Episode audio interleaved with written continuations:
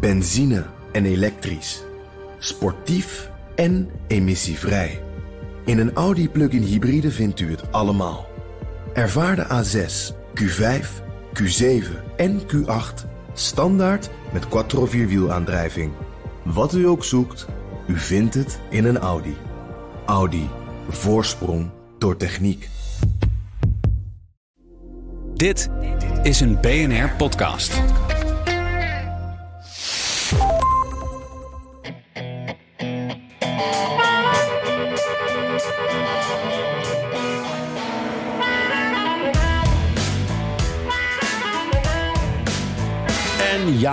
Na een jaar drammen en dreigen is de commissie Justitie van het Huis van Afgevaardigden een impeachment begonnen tegen Joe Biden. Alleen, ze zoeken nog naar een reden. Maar dan is de procedure maar vast op gang als ze een misdrijf hebben gevonden dat ze de verdachte kunnen aanrekenen. Eén van de opties is de procedure tegen Bidens zoon Hunter. Die wordt verdacht van belastingontduiking en illegaal wapenbezit. De commissie wilde hem daarover verhoren, maar achter gesloten deuren. Geen denken aan, zegt Hunter. We doen het openbaar of we doen het niet. For six years, I have been the target of the unrelenting Trump attack machine, shouting, Where's Hunter? Well, here's my answer I am here. Let me state as clearly as I can my father was not financially involved in my business, not as a practicing lawyer, not as a board member of Burisma, not in my partnership with a Chinese private businessman, not in my investments at home nor abroad, and certainly not as an artist. Over die impeachment hoeft Biden nog niet wakker te liggen, maar over Oekraïne wel. Hij haalde Zelensky naar Washington om samen het congres onder druk te zetten voor verlenging van de hulp. Maar dat mislukte. Valt de Amerikaanse steun weg? Zou best kunnen. En dat is dan vooral ons probleem. Dit is aflevering 210 van de Amerika-podcast. Mijn naam is Bernard Hammelburg. In de studio onder het toeziend oog van Ivo. Jan, ehm, wil je eerst even de oproep van vorige week herhalen... voordat we lekker aan de gang gaan? Ja, ja, zeker. Ik, eh, ik zit er sowieso klaar voor hier aan mijn eh, keukentafel uh, in Washington. We zijn ons aan het voorbereiden. Uh, hadden het vorige week ook verteld op het verkiezingsjaar 2024. We zijn dus allemaal plannen aan het maken. En we kijken daarbij ook hoe we verslag gaan doen. En daar betrekken we jullie graag bij. Dus heb je vragen over de journalistieke afwegingen die wij maken. Over de waarde bijvoorbeeld van peilingen. hoe belangrijk zijn debatten? hoe moeten we omgaan met kandidaten die bijvoorbeeld de democratie niet zo belangrijk vinden. Of kandidaten die zich uh, verstoppen tijdens de campagne. campagne. Ik, ik, ik noem geen namen. Uh, laat het ons weten. Dan kunnen we, naar, kunnen we daar tijdens de laatste aflevering van het jaar het uitgebreid over hebben. Met jullie input. Het wordt een beetje een kijkje achter de schermen bij een van onze redactievergaderingen. Zo moet je het maar eventjes zien. En je kan je vragen en opmerkingen mailen naar dewereld.bnr.nl of via alle andere opties die we aan het eind natuurlijk nog een keer noemen. Ja, uh, ik, ik, begrijp dat er al, ik heb nog niet goed gekeken, maar ik begrijp dat er al uh, een aantal vragen zijn en komen, Jan. Dus uh, ik verheug ja, me daarop. Ja. Jan, um, wat was jouw nieuws deze week? Nou, uh, Bernard, even een heel klein dingetje wat mij opviel. En, en, en het is iets. Uh, het gaat over een groep die je uh, anders zelden ziet of hoort hier in Washington. Behalve op, op donderdagavond en op vrijdag in de kroeg. maar ze zijn wel heel belangrijk hier in Washington. En dat zijn de stagiairs.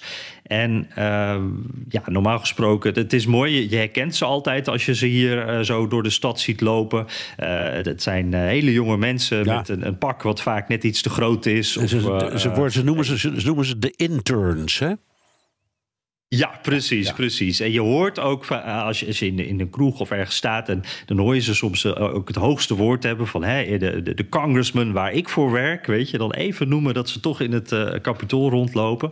Maar goed, uh, je hoort ze verder natuurlijk niet zoveel... want ze doen de kleine klusjes en, en, en ze stellen zich op... in dienst van congresleden, van, van het Witte Huis... van al die instanties die hier zitten. Maar ze spreken zich ook steeds meer politiek uit. En dat viel me deze week even extra op. het ging over Israël. Ehm, en gisteravond bijvoorbeeld was er een protest van Witte Huisstagiairs. En die willen dat er een nieuw staakt het vuren komt. Uh, ze vinden Biden eigenlijk te pro-Israël in zijn standpunten. En, en ja, die, die uiten dat. En uh, ze stonden dus voor het Witte Huis, hadden kaarsjes. Het was verder vrij rustig, rustige betoging.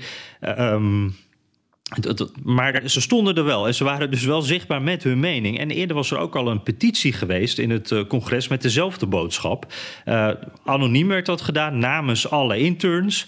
Uh, of in ieder geval de interns die meededen. Dus dat, dat schijnen er dan iets van 140 geloof ik geweest te zijn. ik hoorde ook nog iets anders deze week. Een, een stagiair die een pro-Israël congreslid ondersteunt. of nee, nee, sorry, die tegen een pro-Israël congreslid riep Free Palestine, zo in de wandelgangen. Nou, daar stonden journalisten omheen, dus dat, dat had natuurlijk ook eventjes wat reuring. Dus uh, ik vond het iets... Um, ja, uh, bijzonders om te zien. De betrokkenheid is natuurlijk sowieso mooi. Maar uh, wat natuurlijk altijd het probleem is, die stagiaires, uh, die zijn niet gekozen. Nee. Dus die moeten wel oppassen met wat ze zeggen. Ja. Die, die, moeten hun werk doen eigenlijk, zoals ambtenaren dat ook ja, doen. Maar, maar onder de ambtenaren is ook wat reuring hè, over deze zaak. Je hebt ook wel ambtenaren die protesten hebben laten horen. In, over beide kanten uit, moet ik zeggen.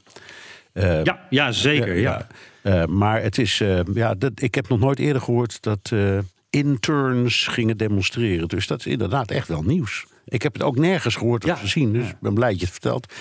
Ja, uh, Washington dingetje.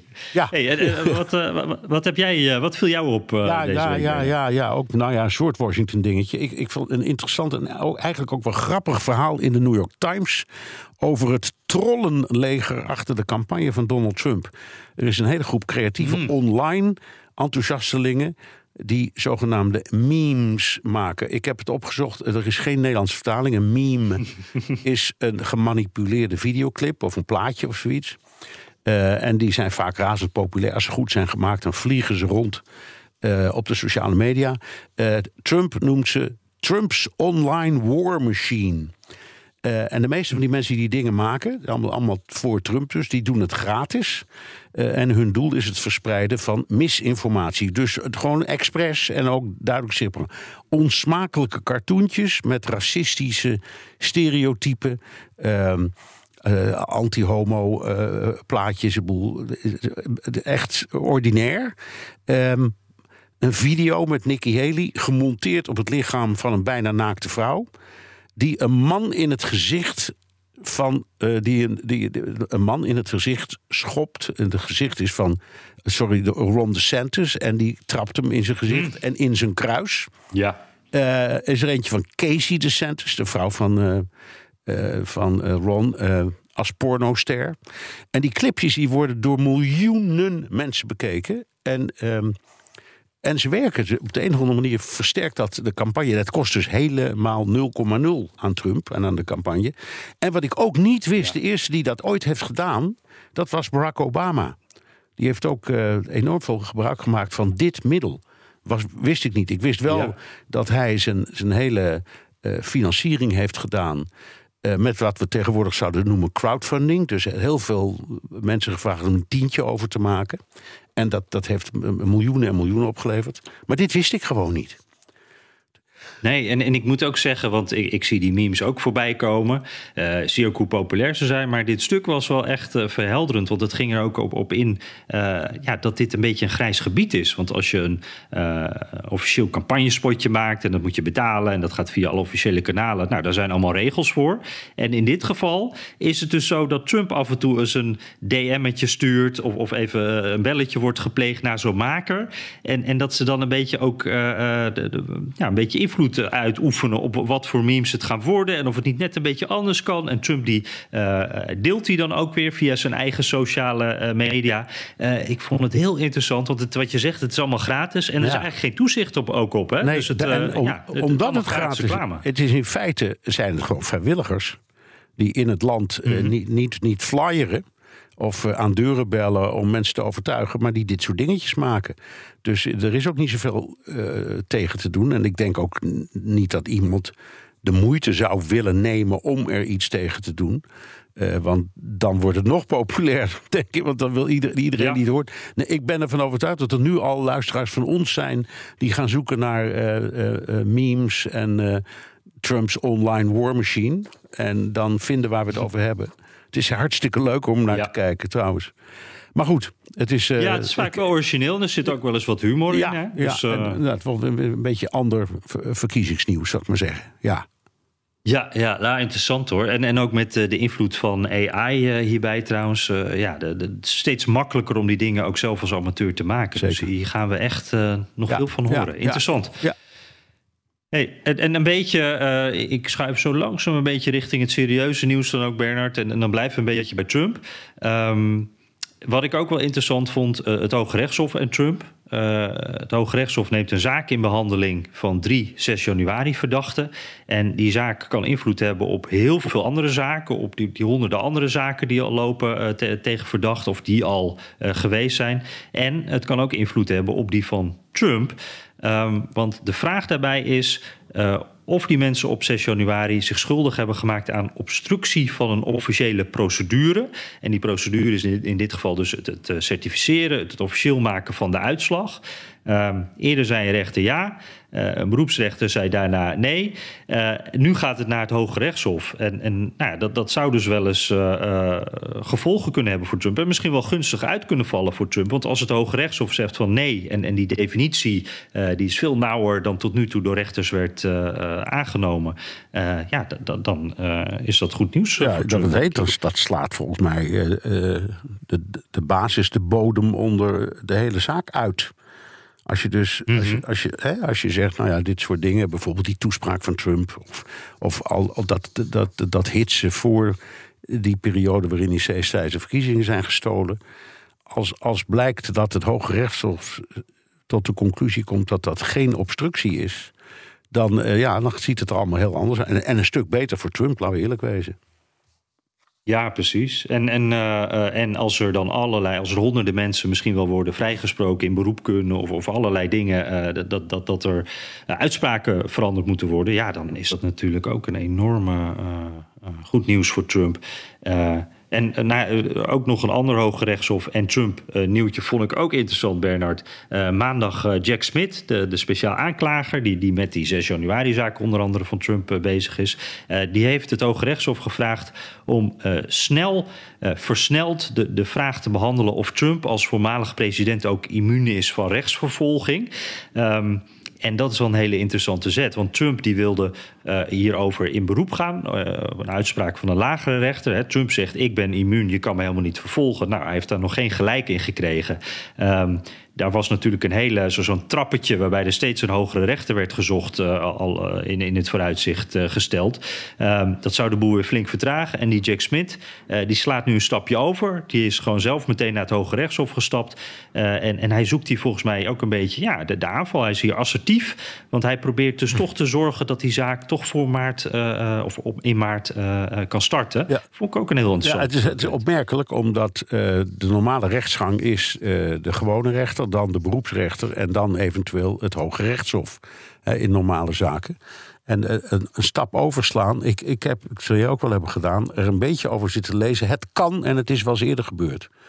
Dus eh, dat in, in, in een dringende zaak van deze omvang een aanklager aan het Hooggerechtshof kan vragen: willen jullie onmiddellijk en zo snel mogelijk een uitspraak doen over een principiële juridische vraag? En dat is dit. Mhm. Was, was, Ja, was, ja. was Trump immuun, ja of nee? Eh, als hij dat wel is, ja, dan verandert het de zaak van Smith. Smith is ervan overtuigd dat het antwoord nee is. En dat wil hij ook graag horen. Dus interessant hoor. Ja, ja, Ja. precies. Ja. Ja, ook omdat er natuurlijk een, een Trump, tussen aanhalingstekens, Trump Hoge Rechtshof nu uitspraken gaat doen over Trump. Dat is wel, eh, eh, nou ja, dat is wel heel interessant dat het, op Het deze manier zich zeer, uitspeelt. zeer interessant. Nou, Jan, dan moeten we het eh, ook hebben over wat ik maar gemakshalve noem de juridische jacht van het Huis van Afgevaardigden op Joe en Hunter Biden. Eerst maar even Joe. Zet nog eens even neer hoe, wat daar nou allemaal speelt met eh, waarom Joe Biden. Want hè, er is een aanklacht, maar er is ook geen aanklacht. En het is heel moeilijk te begrijpen. Ja, ja, het is best ingewikkeld allemaal. Uh, en, en, het komt er eigenlijk een beetje op neer, denk ik, dat uh, een groepje republikeinen, die, die erg fanatiek uh, pro-Trump is en anti-Biden dus ook, onder leiding van Jim Jordan, dat is die man die bijna nooit een, een jasje aan heeft in het congres, daar staat hij onbekend. Um, Uit Ohio, hè? Aan een jacht bezig. Ja, klopt. Ja, ja, ja. En uh, uh, ze zijn echt al heel lang bezig met onderzoeken uh, in allerlei verschillende vormen. die Jordan is sowieso met zijn commissie van justitie al, al volgens mij in ieder geval een jaar bezig. high crimes or misdemeanors hebben we het dan over, hè, want daar kan je een impeachment voor starten. maar ja, hij heeft nog steeds niks concreets gevonden. En mijn gevoel is dat dit het moment is dat hij als het ware een bord spaghetti maar eens tegen de muur gooit om te kijken of er dan iets blijft hangen. Uh, we gaan maar door, we zoeken maar iets. en, en als er dan iets is, dan is het helemaal prima om, om door te gaan. maar ja, het klinkt wel allemaal enorm vrijblijvend. Als je al jaren onderzoek hebt laten doen, uh, dan zou je nu wel wat meer verwachten. Hè? Meer reden om een onderzoek uh, officieel voor te zetten en, en, en te starten ook. Um, en ik, ik vond hem, ja, ik moest er wel om lachen. Een, een, een wat cynisch uh, democratisch congreslid, Eric Swalwell, die vat het wel mooi samen. After 50,000 pages of depositions and secret hearings and closed hearings, I think if we give him enough time, he's going to prove that Hunter Biden is Joe Biden's son. ik vond, vond, hem wel mooi. De stilte daarna vond ik ook weer heel mooi. Hij liet hem even zo. Uh, ja. ja. Uh, maar het zou dus inderdaad kunnen zijn dat Hunter Biden de zoon van uh, Joe Biden blijkt te zijn. En die, die, Hunter Biden, dat is echt natuurlijk het, het, hoofdonderwerp van het onderzoek. Daar richt het zich steeds op. hij was lange tijd ernstig verslaafd. Heeft in die periode allerlei slechte levensbeslissingen genomen. Niet voor, niet voor niets dat hij ook vervolgd wordt in, in, andere zaken. En in die periode dat Joe Biden vicepresident president was onder Obama, uh, heeft Hunter een, een, vermogen verdiend als consultant voor een Oekraïns energiebedrijf, Borisma, inmiddels ook berucht. Uh, een Chinees bedrijf, een investeringsmaatschappij. Uh, en, en, die mooie namen, ik, dat kunnen we wel vrij duidelijk zeggen, denk ik. Die zou hij niet hebben gekregen als hij niet die achternaam Biden had nee, gehad. Nee, maar goed. wij hebben het al heel lang over deze zaak. Um, en ik begrijp uh, wel iets van de verdenkingen, maar het klinkt als gewoon een kwestie van nepotisme. Nou ja, uh, ik, en ik vraag me af of dat strafbaar is. Ik denk er ook aan, uh, Jan, jij bent wel eens uh, met vakantie of niet beschikbaar. En dan gebruiken wij als plaatsvervanger voor jou David. Nou, dat is familie van mij. Dat is ook nepotisme. Oh, dat, benoemen we ook altijd in. Is ook niet, dat is niet strafbaar. Dat schijnt de BNR vindt het goed, de politie vindt het goed, het Hoge Rechtshof vindt het goed. Oké, ik bedoel maar. Maar is, is in zo'n ja. geval als iemand een hele hoge baan heeft en een familielid daarvan, ja, die, die, wordt, die, die, die wordt op het schild gehesen omdat hij uh, diezelfde naam heeft of familie is, is, is dat strafbaar? Ja, ja. ja, het geluk bij David is ook dat hij uh, nog enige ervaring heeft als uh, journalist in Amerika. Hè? Ja. Dat, dat helpt hem toch ook wel een beetje, ondanks die, die achternaam ook. Uh, nee, grapje hoor. Um, nou, ja, dat, dat, is heel dat, serieus. nepotisme. ja, ja, okay.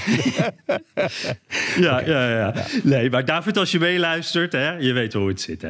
Nee, maar, maar dat nepotisme, Bernard, dat vind ik wel echt een, een, een punt hier. Dat, dat is namelijk iets wat veel meer gebeurt in Washington. En het is nou niet om het goed te praten, helemaal niet. Want ik, ik vind het echt uh, bizar als ik soms om me heen zie en hoor wat hier gebeurt. Maar het is wel de realiteit. Uh, dus vooral als je kijkt onder de consultants in deze stad. Wat, ja. wat uh, ja, Hunter dus eigenlijk ook is of was.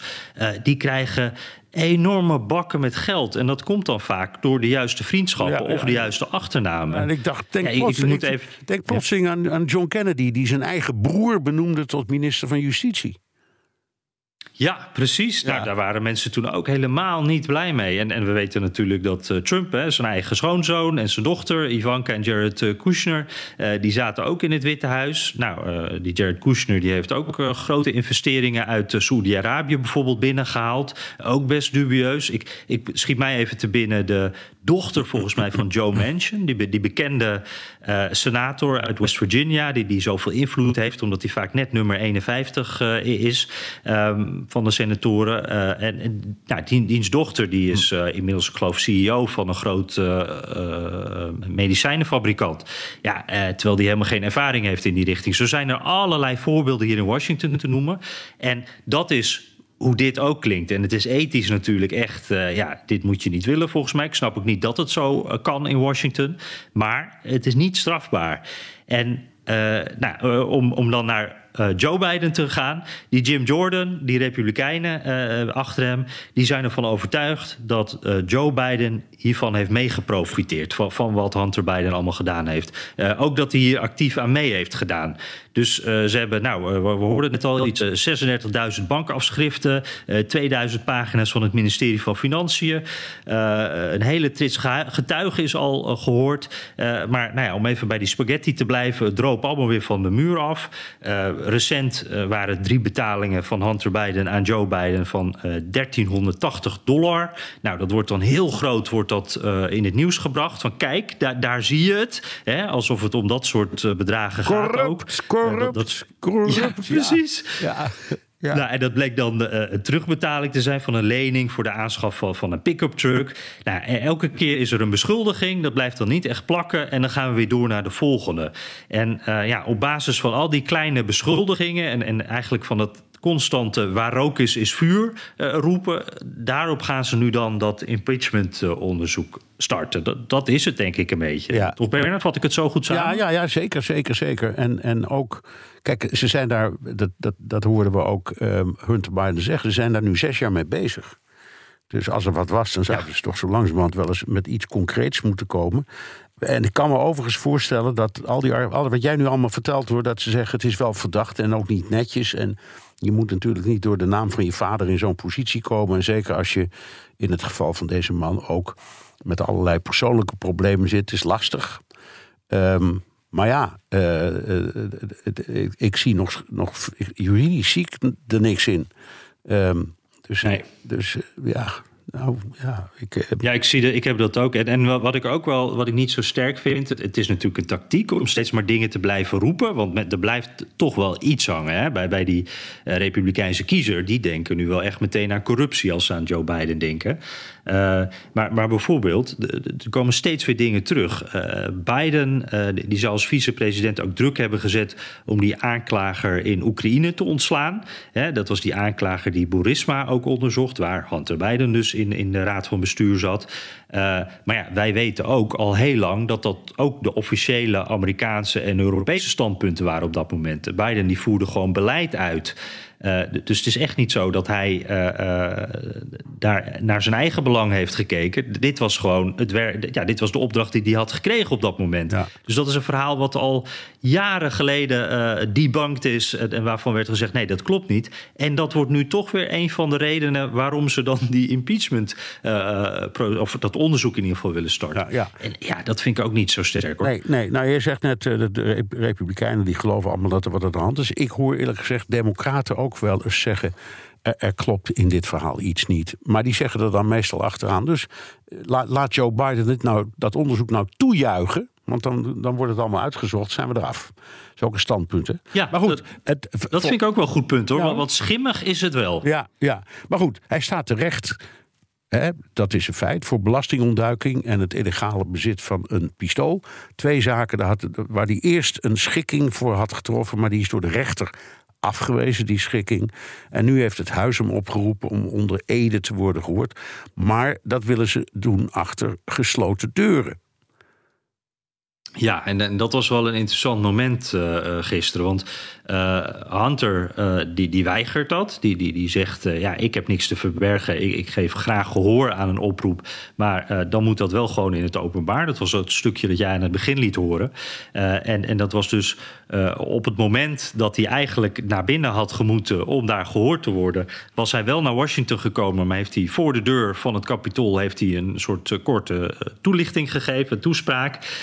En uh, ja, daarin legde hij dat dus allemaal uit. Dat hij bang is dat die commissie van uh, een besloten zitting stukjes naar buiten gaat brengen, uh, selectief. als ze dat handig doen, dan kunnen ze dus via de media het verhaal manipuleren. Hij is bang dat ze gaan liegen over hem. En ja, wat ik ook wel interessant vond en, en, en ook eigenlijk bijna ergens wel wat geestig. die Hunter die noemt het dus een politieke aanval. Die zegt van dit was niet gebeurd als ik niet de zoon van Joe Biden was geweest. Ja. Nou daar kan je een hoop over zeggen. Ja. Maar, maar Bernard, toen ik hem zo hoorde praten, hè, ik dacht van, je hoeft er alleen maar even via uh, AI de stem van Trump van te maken. En dan denk je, dit zijn gewoon Trump-teksten. Het was echt helemaal, helemaal hetzelfde. Het klopt, de tekst en ook de tactiek van het omdraaien van de schuldvraag. Dat, wat hij ook deed. Dat, ja. uh, dat, ik vond ja. dat ook. Maar... Um, het kan maar waar zijn, maar het Huis van Afgevaardigden mag volgens mij zijn eigen regels stellen. En als, die zegt, als ze zeggen we willen hem horen met gesloten deuren, ja, dan, dan, dan heeft hij dat maar te doen. En anders heet dat is het minachting van het parlement. En dat is een strafbaar feit. Ja, ja, precies. En, en dit is ook de reden waarom ze uh, in, uh, de, de, Republikeinen gestemd hebben. Hè, om er officieel onderzoek nu ook van te maken. Want op dit soort momenten kan je dan makkelijker naar de rechter stappen en zeggen: wacht eventjes, deze persoon luistert niet. Terwijl er een officieel onderzoek is. En, en ja, dan kan je er makkelijker wat tegen doen. maar Hunter Biden die maakt hier eigenlijk een beetje een spelletje ervan. Want wat hij heeft gedaan, hij stond er en hij zei: Ik wil het wel, I'm here, I'm ready. ik wil alleen niet achter gesloten deuren. Ja, is dat dan uh, weigeren? Uh, ik denk het uiteindelijk wel hoor, want hij was niet bij die uh, bijeenkomst. Maar goed, dat, dat is wat hij ervan maakt. En ja, de, de, de, dus hij maakte er ook een beetje een mediaspectakel van op die manier. En, en ja, het is nu de vraag wat dan de volgende stap gaat worden. Ik geloof dat de Republikeinen al zeggen: we maken er inderdaad minachting van het parlement van. want die hebben natuurlijk helemaal geen zin in die spelletjes. Nee. Maar weet je wat ik daar echt een, een, zo'n zo navrant detail aan vind? Jim Jordan, dat is dus de man uh, die de leiding eigenlijk heeft over dit alles, de Republikein. Uh, die heeft Hunter nu ook opgeroepen. Die, die stond ook de, de pers uitgebreid te woord in de wandelgangen, waarin hij echt flink tekeer ging tegen Hunter Biden, tegen zoveel, nou ja, dat hij het lef had om niet op te komen dagen. Dit is de man die zelf weigerde te verschijnen in een parlementaire enquête over Trump en 6 januari. Dus het is ook echt uh, de potverwijte ketel. Ja, en, ja, ja. Uh, ja. Wel, het, het geheugen van vijf minuten, zullen we maar zeggen. en verder kijken ze niet terug. Het blijft een circusvoorstelling. Ehm, maar het is niet goed voor Biden. voor allebei niet. want, nee. want heel veel Amerikanen hebben het al over gehad. Van beide partijen die denken, ja, dat deugt toch hier iets niet. Um, en Biden heeft sowieso al een nare week achter de rug, want het congres blokkeerde zijn hulppakket. Uh, en vooral 65, 65, miljard dollar was het ja, voor Oekraïne. Ja. Uh, hij liet zelfs Zelensky naar Washington komen als een soort lobbyist. om, om, om uh, met het parlementariërs in contact te gaan. En dat ging mis.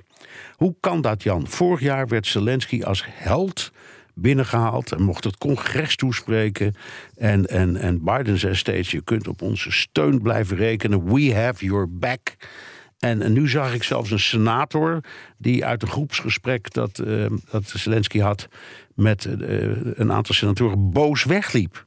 Dat is wel een verschilletje. Ja. Wat is hier gebeurd? Ja, ja, ja, dat was uh, J.D. Vance, ook een, een Trumpist. En die, die zei inderdaad. Uh, ergens halverwege van ja, ik heb hier eigenlijk helemaal niks aan. Dus ik, uh, die is weer weggegaan. En er, was ook, uh, uh, er waren verschillende senatoren die gewoon er helemaal niet waren. Dus inderdaad echt een groot verschil met die staande ovatie van een jaar geleden. Um, en ja, ik, ik, ik denk wat hier gebeurd is, is dat buitenland en binnenland die zijn in elkaar verstrikt geraakt. Um, we hebben dat, dat grote pakket van 110 miljard dollar met erin geld voor Oekraïne, uh, voor Israël, voor Taiwan, uh, voor de grens met Mexico. Dus een, een binnenlands onderwerp wat hier ook ingestopt is. En Biden wilde al dat geld uiteindelijk eigenlijk gewoon in de gewone begroting stoppen. Maar dat wilden de Republikeinen niet. Uh, vanwege Oekraïne ook. Hè. Die hebben eigenlijk geen, geen zin. Een deel van de Republikeinen heeft uh, geen zin om, om, veel meer geld aan Oekraïne uit te geven. Dus dit pakket staat nu apart. En, en los van begroting en shutdown gedoe.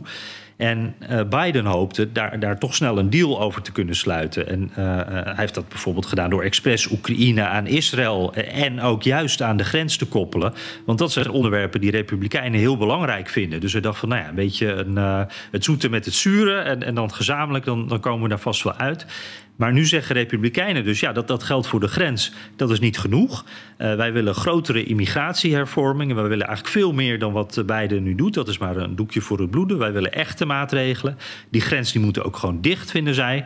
Uh, en dat heeft onze prioriteit, zeggen zij. Dus veel meer dan Oekraïne. Ja. Dus ja, dan moet je dat eerst gaan regelen voordat je over Oekraïne mag gaan praten. Dus die Zelensky die stond daar. Die kon vertellen, die kon honderd argumenten geven waarom hij hulp nodig heeft en, en waarom er echt geld moet komen. Maar die senatoren zeiden allemaal: ja, uh, mooi, maar uh, wij hebben het over wat anders. Ja, en er zijn wel, als de, met, met de snelheid van het geluid nog onderhandelingen begonnen hè, door, door uh, Biden met, uh, het, met het congres om te kijken of ze toch een soort van compromis kunnen vinden.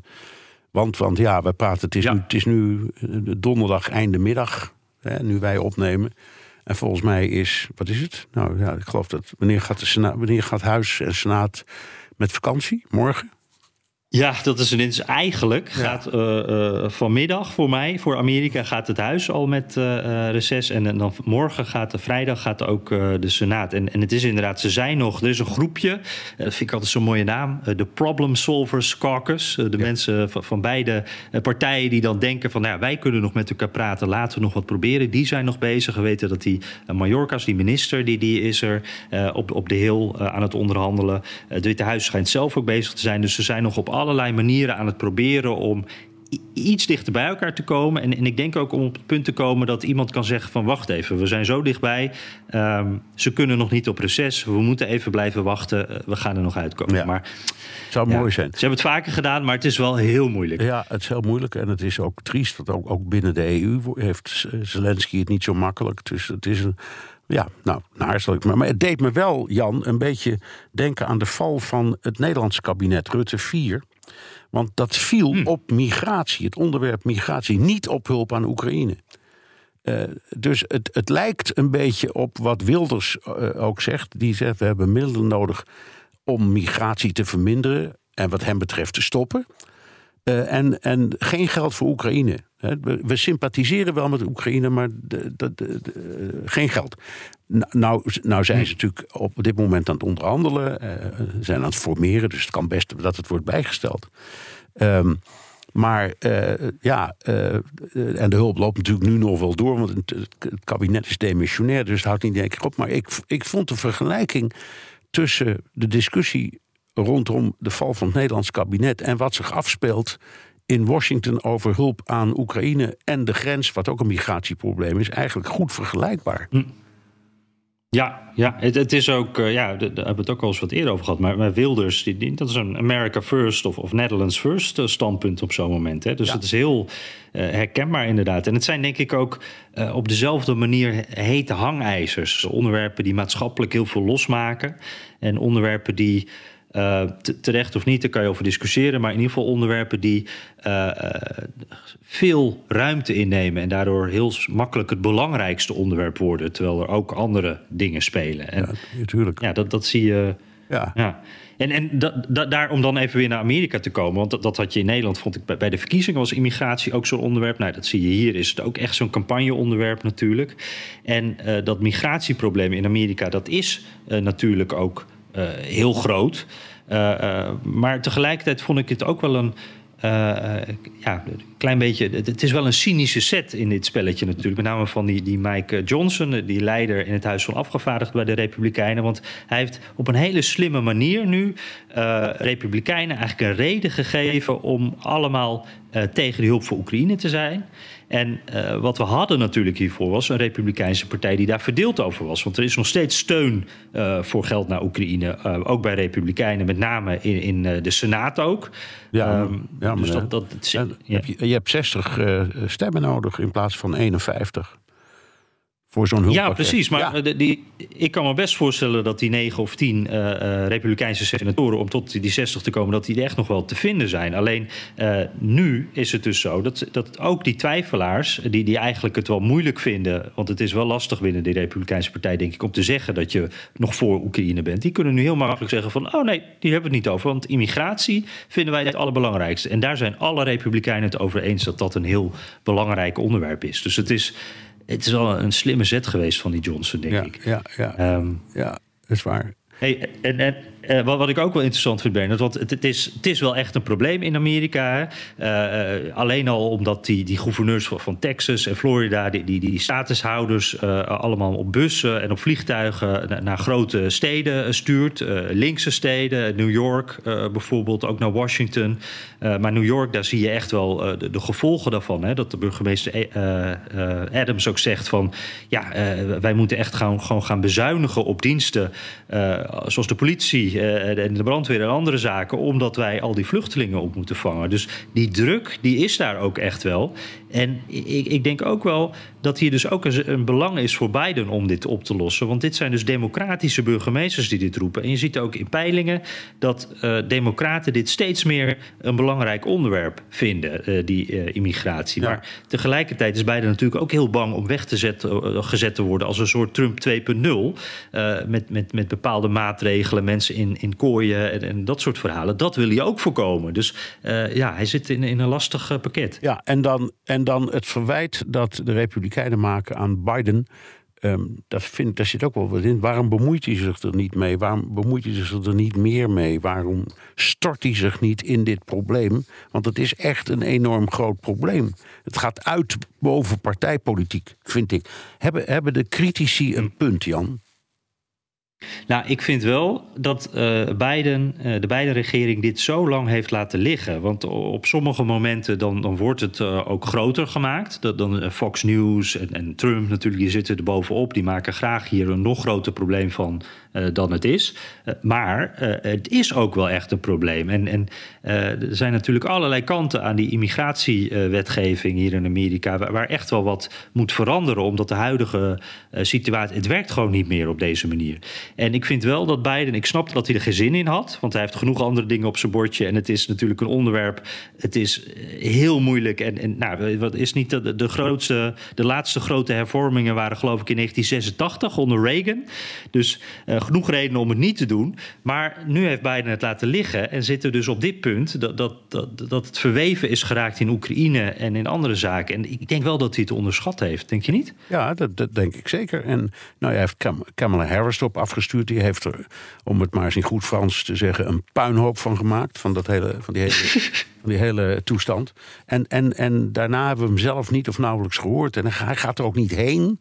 Ehm, hij gaat niet naar bijvoorbeeld zo'n zo'n gouverneur van Texas Abbott... die dat trucje heeft bedacht van het sturen van bussen vol naar New York. Hij gaat niet een keer naar die man toe. Hij zegt, zegt niet, nee, je hoeft- ik kom naar jou toe, we gaan er eens over praten. Allemaal, dat doet hij allemaal niet. Dus ja, ik, en, en ook niet met eh, al die NGO's, al die organisaties die zich, die, zich, eh, die, die de, de, de vluchtelingen en, en zo verzorgen. En die proberen om daar op de grens te redden wat er te redden valt. Eh, die, die kijken naar het belang van kinderen, allemaal van dat soort dingen. Het lijkt alsof het Biden nauwelijks interesseert. En, maar, en wat kun je eraan doen? Dat is ook natuurlijk. Hè? Hoe, wat zou Biden kunnen doen? Ja, nou, ik, ik, ja, ik, ik, eh, eh, een beetje populistisch wat ik nu ga zeggen, hoor, Bernard. Maar eh het congres, dat, dat werkt echt alleen maar onder druk. Je ziet als er geen eh, druk meer is, dan, ja, dan gebeurt er ook niks. Dat, dat zie je ook bijvoorbeeld met die shutdown. Hè. Dat hebben we halverwege ja- janu- of wat is het, eind januari hebben we weer een deadline. Nou, in de tussentijd, er gebeurt weer helemaal niks. Dus pas als dat in de, in de buurt komt, dan gaan ze weer aan het werk. En dat is hierbij denk ik ook zo. Dus volgens mij wat je gewoon moet doen... neem die congresleden hun kerst af. Ga als, als, als president daar naartoe. Eh, zeg, wij gaan gewoon niet naar huis eh, totdat we dit geregeld hebben. Zorg dat die leiders eh, daarin ook be- betrokken zijn. Ik denk dat dit uiteindelijk ook, we zitten enorm vast. Maar dit is ook een kans om het in één keer op te lossen. Want eh, zonder die druk, en, en ik denk dat kerst is echt de ultieme druk. Want al die congresleden willen natuurlijk naar huis. Die willen allemaal naar hun families. Die willen allemaal niet door. En als je dit dus laat liggen. Uh, tot januari, als die shutdown er weer is, dan ben je gewoon weg. Dus volgens mij uh, moeten ze gewoon keihard iedereen erop sluiten in dat kapitool. En ja. gewoon niet naar buiten laten tot ze, tot ze iets hebben. Ja. Benzine en elektrisch. Sportief en emissievrij. In een Audi plug-in hybride vindt u het allemaal. Ervaar de A6, Q5, Q7 en Q8 standaard met quattro vierwielaandrijving. Wat u ook zoekt, u vindt het in een Audi. Audi. Voorsprong door techniek. Verdienen jouw medewerkers de beste HR-service? Wij vinden van wel. Numbers combineert payroll met slimme HR-features. Bespaar kosten en geef medewerkers eenvoudig toegang tot verlof, declaraties en loonstroken. Probeer Numbers op nmbrs.nl. Oké okay, Jan, zullen we naar de luisteraars vragen? Die zijn, uh, ja, leuk. Die zijn welkom via de mail of via de Amerika Podcast WhatsApp. Daar kun je je vragen of opmerking ook inspreken.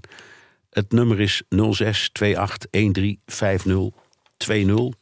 En we hebben nog, uh, ja. kijken Jan, een minuutje of twaalf. dus we kunnen er als het kan wel een hoop doen. want daarna komen ja. onze collega's van de Tech podcast ja. in de studio. En die kunnen we niet laten wachten natuurlijk. Nee, dan staat Ben van der Burger met zijn schaatsen op het raam te, te staan. Dat het. moeten we niet hebben. Nee, dat hey, moet niet hebben. Ja. Laat ik in ieder geval even snel nog uh, zeggen van... hey, we hebben nog steeds mensen die hun Spotify-lijstjes uh, sturen. Dus uh, dank daarvoor, heel erg leuk.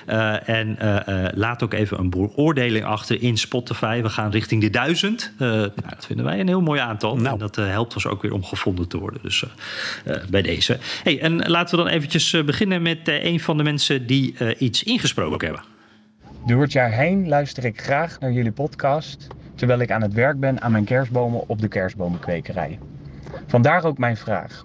In Nederland haalt de gemiddelde consument bij een tuincentrum of lokale kweker zijn kerstboom. Maar waar haalt de Amerikaan zijn kerstboom vandaan? Ja, wie, wie is Martin dit? Bolhuis Ja, is dit, hè? Ja, ja, ja wat leuk. Leuke vraag. Uh, Ja. Ik weet niet, jij eh, let er misschien zelf op. Wat ik uit New York weet, is dat ze of naar een, uh, inderdaad naar een kwekerij gaan. En uh, die heb je in de omgeving van New York veel. Of doodgewoon naar de supermarkt.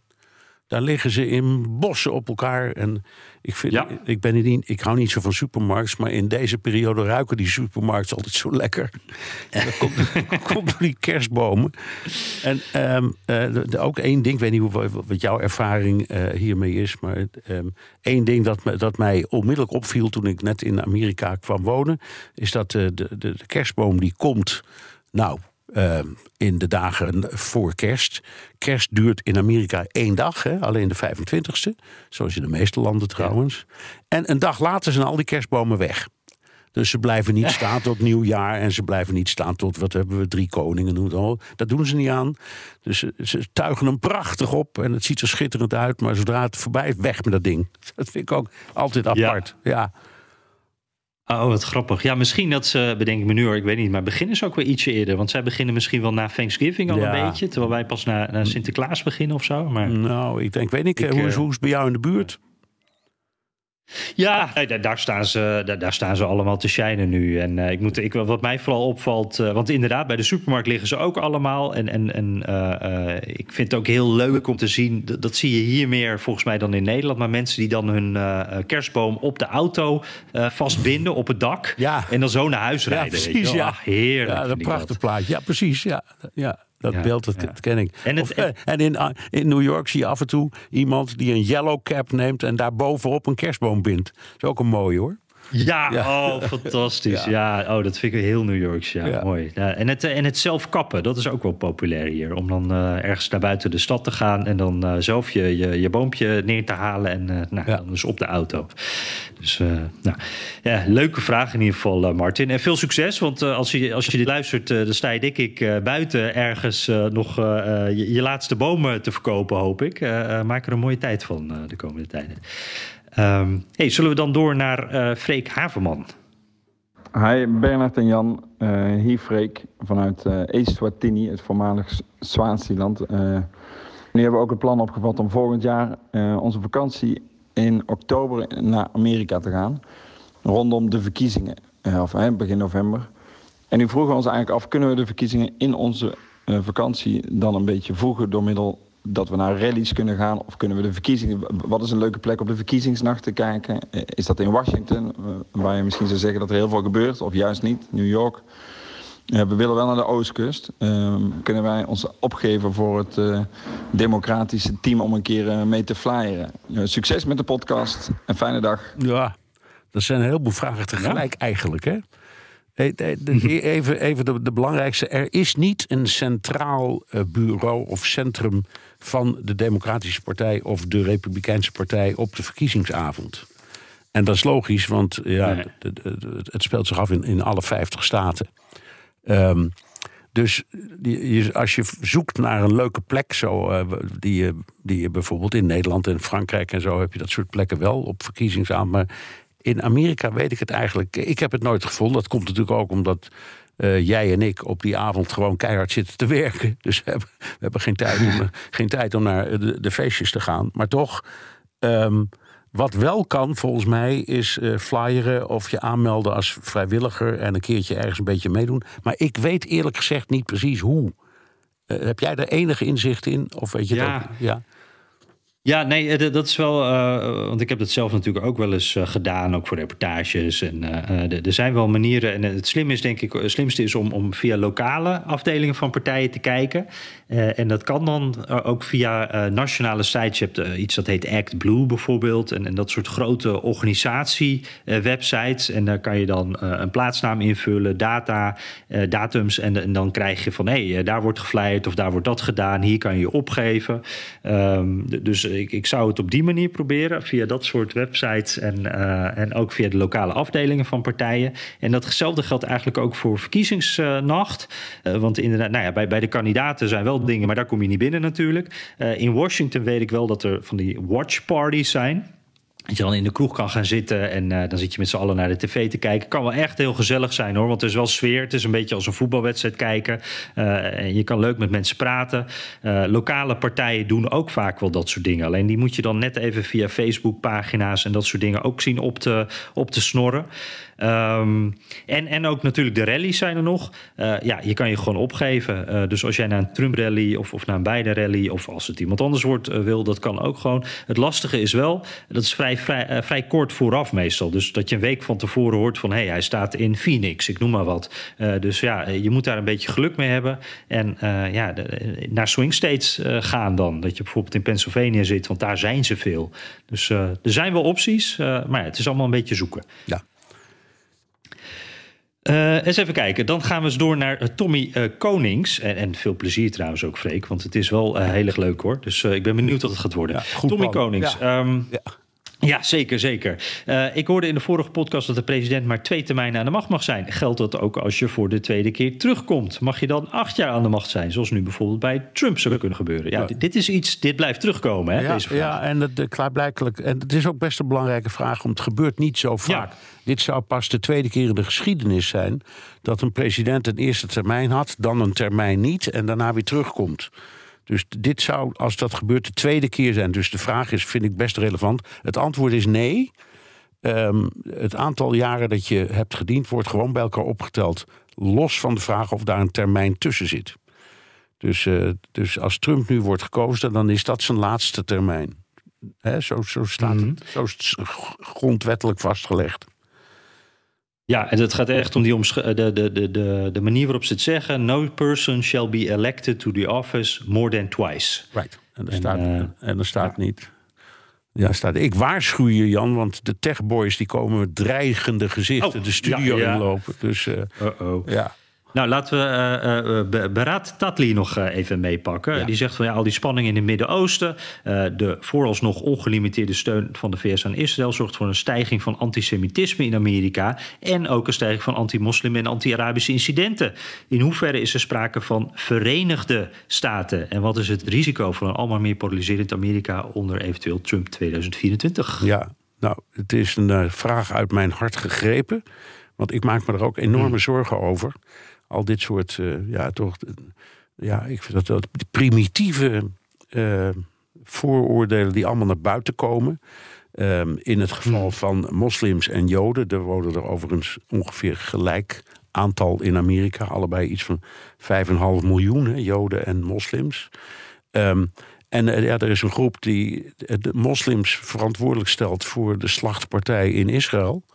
En allerlei andere narigheid. En er zijn een hele hoop mensen die eh, Joden verantwoordelijk stellen voor wat Israël uitvoert aan oorlog. En dat wordt dan door elkaar gehaald. Ehm, en dat leidt tot antisemitisme. En dat is buitengewoon pijnlijk. Eh, en in Amerika heb ik het op deze schaal nog nooit eerder gezien. Dus ik kijk ervan op en ik ben er ook ongerust over. Hmm, dat je dit, want eh, eh, dit hoor je vaker, hè? Van hey, het is nog nooit zo erg geweest. En eh, nou ja, we horen er ook wel cijfertjes over. En dan denk je ook, het Ja, is ook maar- echt erg. Maar jij zegt, met al jouw Amerika-ervaringen, sinds welk jaar ook alweer? De jaren 60 geloof ik. 79 Je jaar. zegt, je hebt het. Nee, nooit meegemaakt. oh, ja, kijk. Nee, nooit meegemaakt op die Ah. manier. Niet, niet op die manier. En ook op de, al de, die, die universiteiten waar het zo enorm is. Ehm, Mhm. Ja, ik, ik sprak eh, eh, David, die heeft een aantal reportages gemaakt daarvan op universiteiten. Om dat allemaal eh, te filmen.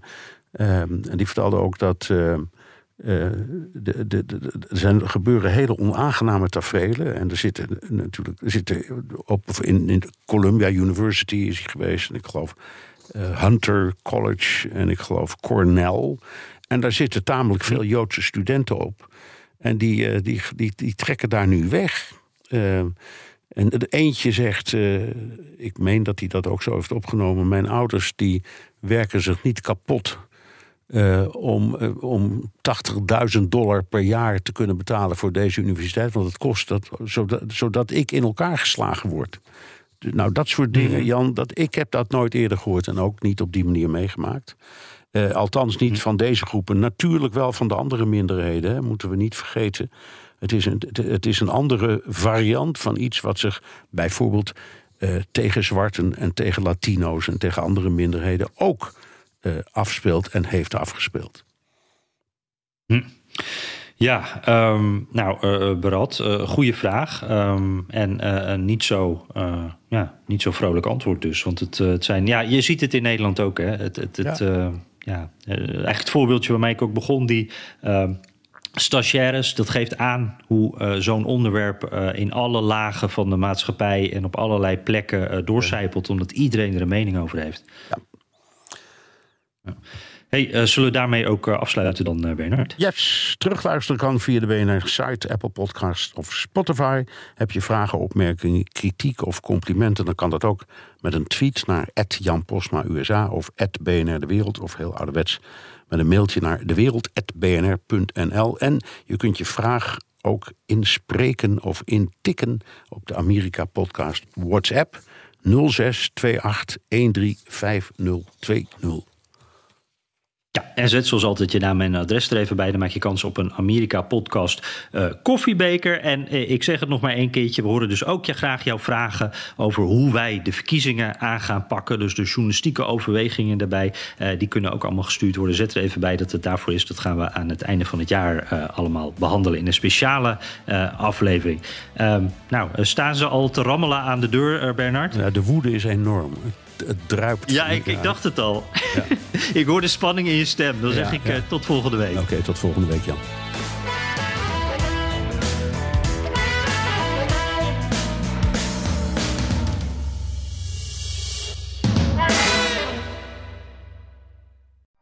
Benzine en elektrisch. Sportief en emissievrij. In een Audi plug-in hybride vindt u het allemaal. Ervaar de A6, Q5, Q7 en Q8 standaard met quattro vierwielaandrijving. Wat u ook zoekt, u vindt het in een Audi. Audi. Voorsprong door techniek.